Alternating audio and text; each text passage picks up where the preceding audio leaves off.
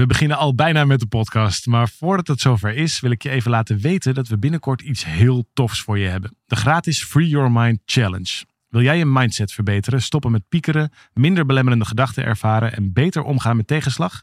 Schrijf je dan in voor deze challenge via www.365dagensuccesvol.nl slash challenge. Het is van 26 mei tot en met 29 mei en ik heb er heel veel zin in. We beginnen nu met de podcast.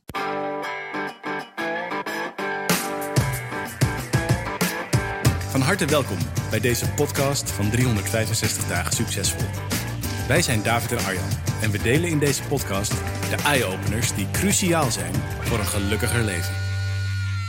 Jo, meestal hebben we het van tevoren, als we een podcast gaan opnemen, hebben we wel een beetje zo'n gelijksoortig idee over wat we daarin willen zeggen en ehm, met welk punt we een luisteraar zouden willen helpen. Maar nu heb ik het gevoel dat we echt mijlenver uit elkaar liggen. Als in? Nou, jij, jij zit best wel op een spoor van, joh, al die eh, statistieken nu met corona, al die, eh, eh, al die, die ellende die er gebeurt. Mhm. Je kunt daar best wel wat, wat vraagtekens bij zetten. Je, je bent iemand die dan gaat uitrekenen hoeveel, een, hoeveel we nu als, als land uitgeven aan, een, aan iemand die overlijdt. En of je met dat geld niet ook wat beters had kunnen doen. Nou, dat, ik, weet- dat, nou, ho, ho. Nou, nou gaan we een, een gevaarlijk pad in.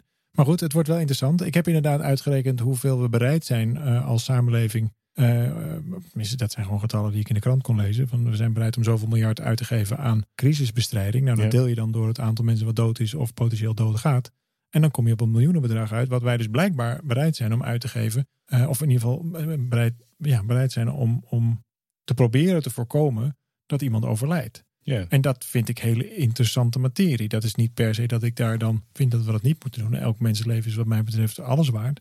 Alleen, ehm, ja, het heeft wel consequenties. Dat is één. En, en ik vond het ook gewoon een interessante rekensom. Blijkbaar vinden we dus kinderen die in Afrika sterven, die we met al 25 euro zouden kunnen helpen, eh, de moeite waard om gewoon te laten verrotten. En hier geven we miljoenen uit, omdat we eh, mensen die al op leeftijd zijn, toch, ehm, toch maar door, doorheen te trekken. En ik, nogmaals, hier zit geen, niet per se een waardeoordeel achter. Ik vind hier ook wel van alles van. Maar Ja, dat- precies. Ja, dat vroeg ik me af. Je zegt er zit geen waardeoordeel achter, maar in, in een vraag als dat zit ook al een. eh, nou, er zit in ieder geval. La- laat ik het een voorbeeld geven waar, waar het me aan deed denken. Ik, eh, ik, ik plaatste laatst op mijn eh, sociale media een oproep ehm, om te supporten voor een vluchtelingenkamp er- ergens in, eh, in Griekenland. En een van de reacties daaronder, iemand die reageerde met: Joh, het is wel opvallend dat daar eigenlijk alleen maar jonge mannen in die kampen zitten, toch? Dat er helemaal geen vrouwen en kinderen daar zijn. Joh, ik stel maar een vraag hoor. Ik stel maar een vraag. Terwijl op zo'n manier een vraag stellen, dat onthult wat mij betreft ook een agenda. Want je kiest een heel speciaal thema, iets waarvan je denkt, hé hey, wacht, dit is een verdachtmaking of dit is een, eh, ik zet het daarmee in een bepaald daglicht. Vervolgens kom ik in de positie om dat dan uit te leggen, hoe dat dan zit met die mannen, die vrouwen, waarom sommigen zo'n reis wel maken, anderen niet, nou enzovoort enzovoort, waar ik verder niet op ben ingegaan. Maar daar, dat leerde me wel dat er eigenlijk niet zoiets bestaat als een waardevrije vraag. Je kunt namelijk een miljoen vragen stellen. Maar door vragen te stellen bij de.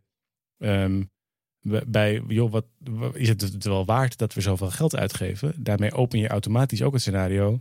We kunnen het ook niet doen. Ja, goed, maar dat is ook de vraag die ik niet stelde. Ik heb gewoon uitgerekend hoeveel we bereid zijn om te betalen voor iemand die potentieel komt overlijden. Ja. En dat kan ook heel indrukwekkend zijn. Je kan ook zeggen, wauw, wat een samenleving dat wij dat zo doen. Vervolgens vertaal ik dat, en dat moet iedereen natuurlijk helemaal voor zichzelf eh, weten. Ik zou het gesprek wel willen vervolgen op wat maakt dan dat we het hier niet over zouden mogen hebben. Dat vind ik ook wel interessant. Maar goed, maar wat het bij mij doet is, is oké, interessant. Daar komt dus een miljoenenbedrag uit. Zoveel is dus blijk- klaarblijkelijk een mensenleven waard Ja. Wat ik veel interessanter zou vinden is, eh, of in ieder geval, nee, het triggert in mij. Dit heeft één op één met de dood te maken. Mhm. Blijkbaar mogen mensen niet doodgaan. Blijkbaar zijn we collectief in gevecht met überhaupt iets als sterven. Ja. En dat vind ik voornamelijk heel erg interessant. Ik kijk er bijna als een antropoloog naar van hoe, hoe, hoe gaat de samenleving om met de, de dood? Ja. En omdat we zitten natuurlijk heel erg in een soort idee van maakbaarheid. Helemaal in een, in een soort, ja, al jaren zitten we in een soort een beetje rechtsgeoriënteerde maakbaar idee van maakbare samenleving. Ja. Ieder voor zich en God voor ons allen. Ja. En dat, dat is natuurlijk ook niet altijd zo geweest, maar dat is nu wel eh, nou, de laatste, misschien wel de laatste twintig jaar een beetje zo. Ja. En Eh, en en nou, dat heeft dus ook een, een, eh, een prijs, letterlijk. Ik wil zeggen een keerzijde, maar dat is ook maar een oordeel. Maar het Ja. heeft dus een prijs. Nou, blijkbaar zijn we het bereid om te betalen. En ik vind dus interessant waarom jij het ingewikkeld vindt dat ik dat überhaupt uitdenk. Het klinkt bijna alsof ik het niet uit mag rekenen, want dan, dan stel ik daarmee Ja, iets, nee, dat snap iets ik aan de orde. Nou, en nou, het gaat me meer over.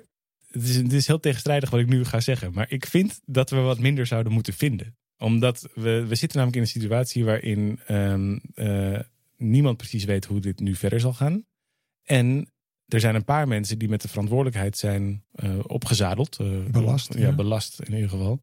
eh, om daar bepaalde keuzes in te Ja, maken. je zal maar minister-president van Nederland zijn op dit Ja. moment. Ja, Ja. Dan snap ik ook. Dat zou, dus er zijn nu veel beroepen waar je niet mee zou willen ruilen. Nee, met in- intensive care arts, met wetenschapper bij in het RIVM. en dus heel veel respect voor welke keuze zomaar ook maar maken. Ja, Nee, en, dat- en, dat- dat en ben daarom ik denk ik ook, dan zou dus ook. En ondertussen ontstaat er een, een soort, soort eindeloze rij aan, eh, aan, aan allemaal mensen die daar dan allemaal dingen van vinden. Die dus vinden of het geld wel goed wordt uitgegeven, of de maatregelingen wel ver genoeg gaan. Terwijl ik denk, joh, zolang de enige die er nu op dit moment iets van zouden moeten vinden, zijn de mensen die dat nu hebben te besluiten. En de rest moet misschien gewoon even wachten. En dan gaan we achteraf evalueren of dat goede dingen zijn geweest. Maar in midden in een crisis gaan evalueren of de besluitvoerders wel de juiste keuzes maken. Dat voelt voor mij als niet supportive aan de rol die zij al hebben. Zij dragen een hartstikke zware verantwoordelijkheid.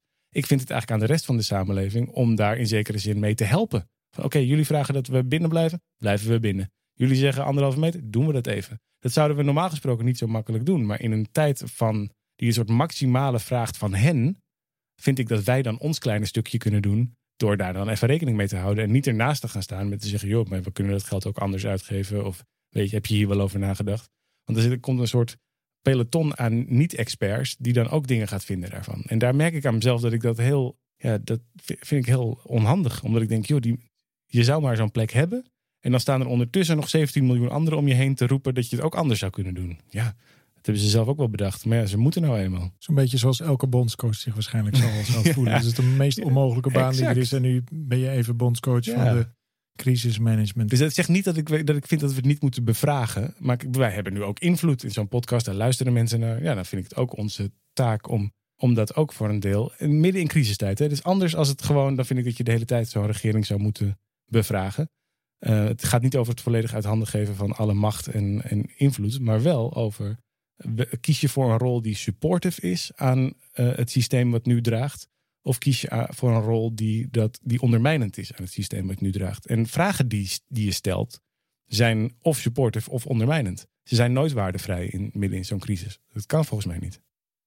En dus mag ik niet uitrekenen wat wij bereid zijn om voor iemand zijn dood wel of niet te betalen. Nou, of ter voorkoming dat, daarvan. ja, is dat dan zinvol? Is het supportive? Nou, het is in ieder geval interessant. Volgens mij is er namelijk gewoon nog een derde optie. En dat is de optie die ik zelf zeer graag bezig. Namelijk bekijken vanuit het perspectief van wat gebeurt hier nou eigenlijk? Dus ik vind het heel interessant om te observeren hoe gaan wij hier nou mee om. En daar vind ik van alles om van te vinden. Maar ik vind in eerste instantie, ik neem waar. Dus vind ik. En ehm, je moet dingen wel in proportie blijven zien. En dat vind ik zo ingewikkeld aan deze tijd. Dat het in mijn ogen het proportionele zo uit de weg. Eh, of er heel weinig plek voor is. Bijvoorbeeld. Ja. Als je nu eh, nu.nl opent. Dan zie je van de 20 berichten die ik op mijn app krijg. gaan er 19 over corona. En het 20ste bericht gaat eigenlijk stiekem ook nog over corona. Maar dat heeft een andere titel. Ja. Want dat ging dan over stikstof en de boeren. En dan blijkt het uiteindelijk ook nog weer door coronatijd. Dat ze, nou enzovoort. Ja. Dat is een super subjectieve waarneming van al het andere en alles wat er überhaupt gebeurt. Nou, wat ik me niet kan voorstellen is dat als dit 100 jaar geleden of eh 500 jaar geleden was geweest, dat het, dat het allemaal dit volledig had gedomineerd. En daar zitten hele interessante aspecten in. En ik vind dat wel degelijk onze rol. Namelijk, wij hebben ook bereik, wij hebben ook publiek, we hebben ook mensen die hopelijk iets hebben aan, al is het maar omdat ze het er vreselijk mee oneens zijn, dan hebben ze een, eh, een eigen idee ontdekt.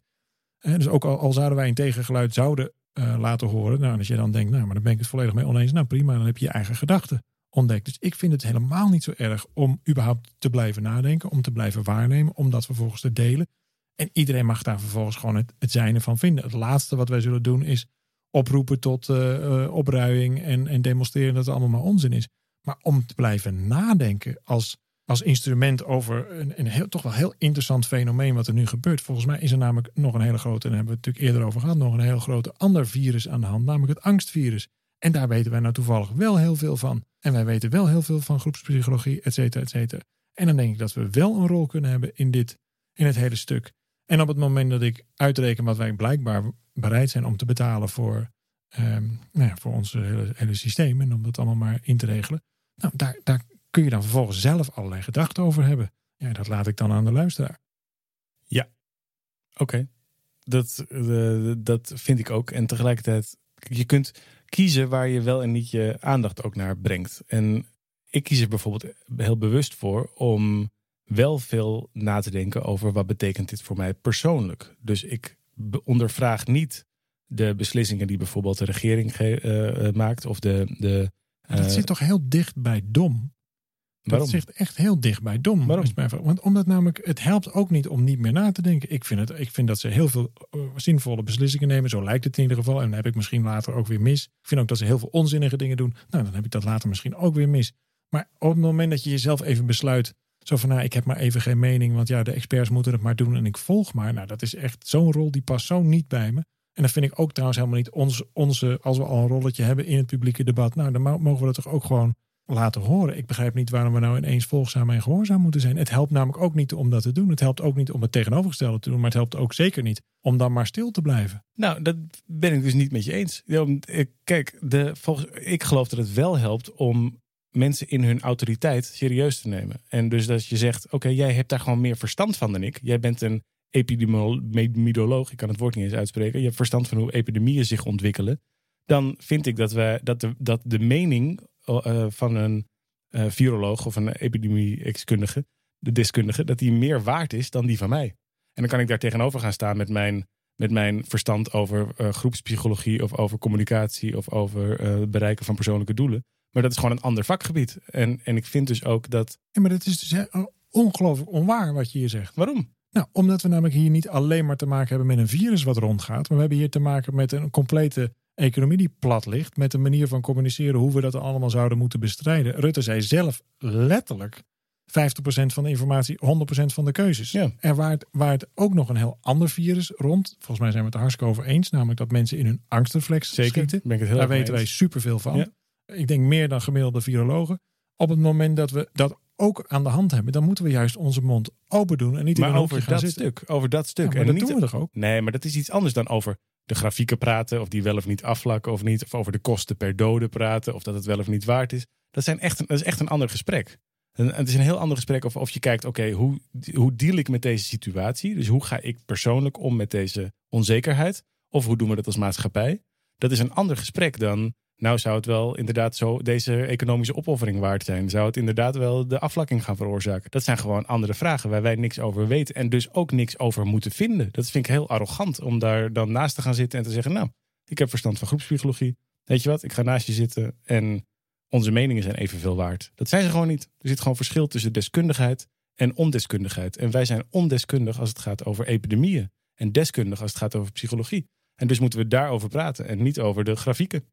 Ja, op het moment dat wij het zouden hebben over eh, de grafieken zoals ze getoond worden op basis van uh, virusdingen enzovoort, dan hebben wij onze mond te houden. Op het moment dat we het hebben over wat doen die grafieken bij mensen, uh, zoals we het, waar we het vorige week over Ja. hebben gehad. Uh, en dan blijkt je dat je op interpretatieniveau, als je de feiten achter de grafieken kent, Ja. dus als je de informatie achter de grafiek zoekt, ineens een hele andere emotie krijgt, Ja. dan hebben we het ineens weer heel relevant gemaakt. Ja, en Nou, daar kunnen we het over hebben. dat is toch ook precies wat we doen. Nou, en op het moment dat ik dan een getal hoor over zoveel miljard zijn we bereid te betalen voor. En zoveel mensen gaan er dood, dan maak ik daar een rekensom op. Vervolgens heb ik dus in een, in een omveld gedacht van, nou ja, nou interessant, want dan zijn we dus blijkbaar is zoveel een mensenleven waard. Dan, da- daar zit toch helemaal geen. eh, nou goed, hier gaan we niet uitkomen. Maar ik ben heel benieuwd wat jij er als luisteraar van vindt. Want deze discussie gaat nog veel te lang duren voor deze hele podcast. maar ik vind dat gewoon heel interessant gegeven. Wat ik daar uithaal. En gelukkig ben ik een zelfdenkend mens. Wij hoeven het hier ook helemaal niet over eens te zijn. Ehm, maar vind ik het heel interessant om eh, eh, in ieder geval een, eh, om waar te nemen van ook interessant. Er, is, er hangt dus een prijskaartje aan, aan een mensenleven. Ja, en goh, wat zijn we het als, als samenleving nou sowieso aan doen. En wat ik nog veel interessanter vind is hoe verhouden wij ons tot het meest onvermijdelijke ding in het leven, namelijk de dood. Exact. En dat is, dan kom je terug ook bij een stuk wat je bij jezelf kunt onderzoeken. En volgens mij zit daar ook de grote gelegenheid van dit moment. Is door, volgens mij moet je juist heel veel vragen stellen op dit moment. En ik vind dat ook helemaal niet dom. Omdat je namelijk kunt kiezen waar je je vragen over stelt. En ik zou het interessant vinden als je toch waarneemt in deze situatie. Neem dan jezelf waar en zie hoe je omgaat met crisis. Zie hoe je omgaat met verandering, met onzekerheid. Daar is eindeloos veel in te leren. Zie hoe je omgaat met angst. En als je dan toch je gedachtekracht inzet of je eigen waarnemingsvermogen, richt die dan op jezelf en daar, of op de mensen om je heen en leer elkaar beter kennen. Ook mooi. En dan gaat deze podcast over wat wij de afgelopen week hebben meegemaakt. Dus dit is precies wat ik doe. Dit is een getal wat binnenkomt. Ik deel dat door het aantal doden. Dan blijkt er een getal uit te komen. En dan gaat het, oh, we hebben het over deze week. Nou, David, wat heb je meegemaakt deze week? Dit is wat mij is overkomen. Namelijk, ik kom erachter dat wij ons heel slecht verhouden tot de dood. Of in ieder Ja. geval dat het interessante gedachten oplevert. Ja. Daar zou ik het graag over willen hebben in deze podcast. Die nog vijf minuten duurt. Dus het, het, het, maar goed, nogmaals, eh, ik snap ook heel goed je punt hoor. Ik vind ook dat je supportive moet zijn en dat een antigeluid heel vaak niet helpend is. Wel heel makkelijk, maar niet echt heel helpend Zeker, is. heel en, makkelijk, en daar zit ook heel veel dommigheid in. Dus dat, in die zin kan ik het ook heel erg met je eens zijn. Alleen het ontslaat je volgens mij nooit van niet meer zelf denken. Dus je kunt heel goed zelf denken, zelf interpreteren, altijd achter de feiten nog kijken. Er is namelijk niemand, ook wij trouwens niet, zonder belang. Wij hebben ook belang bij het opnemen van deze podcast. Ja. Dat is een heel, misschien wel een heel altruïstisch belang. En het maakt ook allemaal verder niet uit, maar ook dat is een belang. Dus het, het, er zit altijd ergens achter. De, de, de, het belang van de minister-president is ook groter dan alleen maar het bezweren van deze crisis. Ook al doet hij er natuurlijk nu alles aan om die crisis te bezweren. Maar er zit altijd een groter belang achter. En we moeten geen verstoppertje spelen dat dat niet zo is. Nee, maar we moeten ook niet. ehm, kijk, dit is ook weer zo'n ding. Dat door de nadruk op die belangen te leggen, ga je ook weer. Daarmee introduceer je eigenlijk een soort dubbele agenda of een tweede motief. Nee, nee, nee. Ik benoem de realiteit. Namelijk, jij hebt ook een belang. En de luisteraar, als je hier naar zit te luisteren, jij hebt ook een belang. Je hebt namelijk een belang om bijvoorbeeld dit te luisteren. Je hebt een belang om iets te zeggen of niet te zeggen. Dus er is altijd belang. Ja. Goed. Ik ben heel benieuwd wat je eh, als luisteraar hiervan vindt. Want wij kunnen hier nog uren over doordebatteren. Wat ik interessant vind is in ieder geval de vraag, ook voor jou als luisteraar, van hey, eh, hoe verhoud je je tot de dood? Dus is het, is het oké om te sterven? Of moeten mensen eh, 200 jaar worden? Eh, hoe zit dat eigenlijk? Want interessante, want dat is eigenlijk wat ik meemaakte deze week, is die vraag heb ik namelijk mezelf gesteld. Hoe verhoud ik me eigenlijk En? tot de dood? En? En, en vervolgens, als ik vrede zou hebben met de dood, en volgens mij heb ik dat, ik ben best wel oké met, ehm, eigen nou, met, sterfelijkheid. met- ja, met het, met het onvermijdelijke. En, en ik heb heel veel plannen die ik nog graag zou willen doen, maar ik Ja. heb ook heel veel dingen af kunnen vinken die ik nog graag had willen doen. En die heb ik inmiddels gedaan. Dus ik Ja. heb wel een behoorlijk lange bucketlist gehad. Daar heb ik heel veel dingen van eh, meegemaakt, ook door omstandigheden. En, en ook daar heel bewust voor gekozen. Dus ik vind dat heel, het boeiende van het leven is dat je dingen kunt bereiken en dat je dingen ook kunt afvinken. Ehm, daardoor geeft het ook heel veel richting en heel veel zin. En het is volgens mij ook heel mooi om op een gegeven moment de conclusie te kunnen trekken dat het heel erg oké is om, om deze ervaringen eh, een keer afgerond te zien. En ik hoop dat het nog lang mag duren, want ik hou enorm van het leven. Ja. Maar ik denk wel dat de mensen die een beetje oké zijn met het feit dat ze gewoon sterfelijk zijn, een heel stuk relaxter erbij zitten. Natuurlijk zou ik het vreselijk vinden voor mijn kinderen. Natuurlijk zou ik het nog heel veel dromen en kansen. En, en trouwens, wat zou jij dan moeten met je leven, Arjan? Dat is natuurlijk ook een gekkigheid. Ja. Dus nou, ik hoop dat ik er nog een tijdje ben. Maar, het, ehm, eh, maar, maar op het moment dat het zou eindigen, is dat, is dat ook heel erg oké. Joh, ik val elke avond in slaap en ik heb geen idee of ik de volgende dag wakker zou worden. En daar Ja. maak ik me nooit druk over. Nou, volgens mij sterven net zoiets. Ik ben wel eens een keer in een dorpje geweest, ergens op, eh, op Sulawesi. En daar, ehm, op het moment dat er iemand overlijdt, dan baren ze het lichaam van de overledene op in de woonkamer. In een, in een grote kist. Ehm, en dan begint vanaf dat moment het sparen voor de eh, afscheidsceremonie.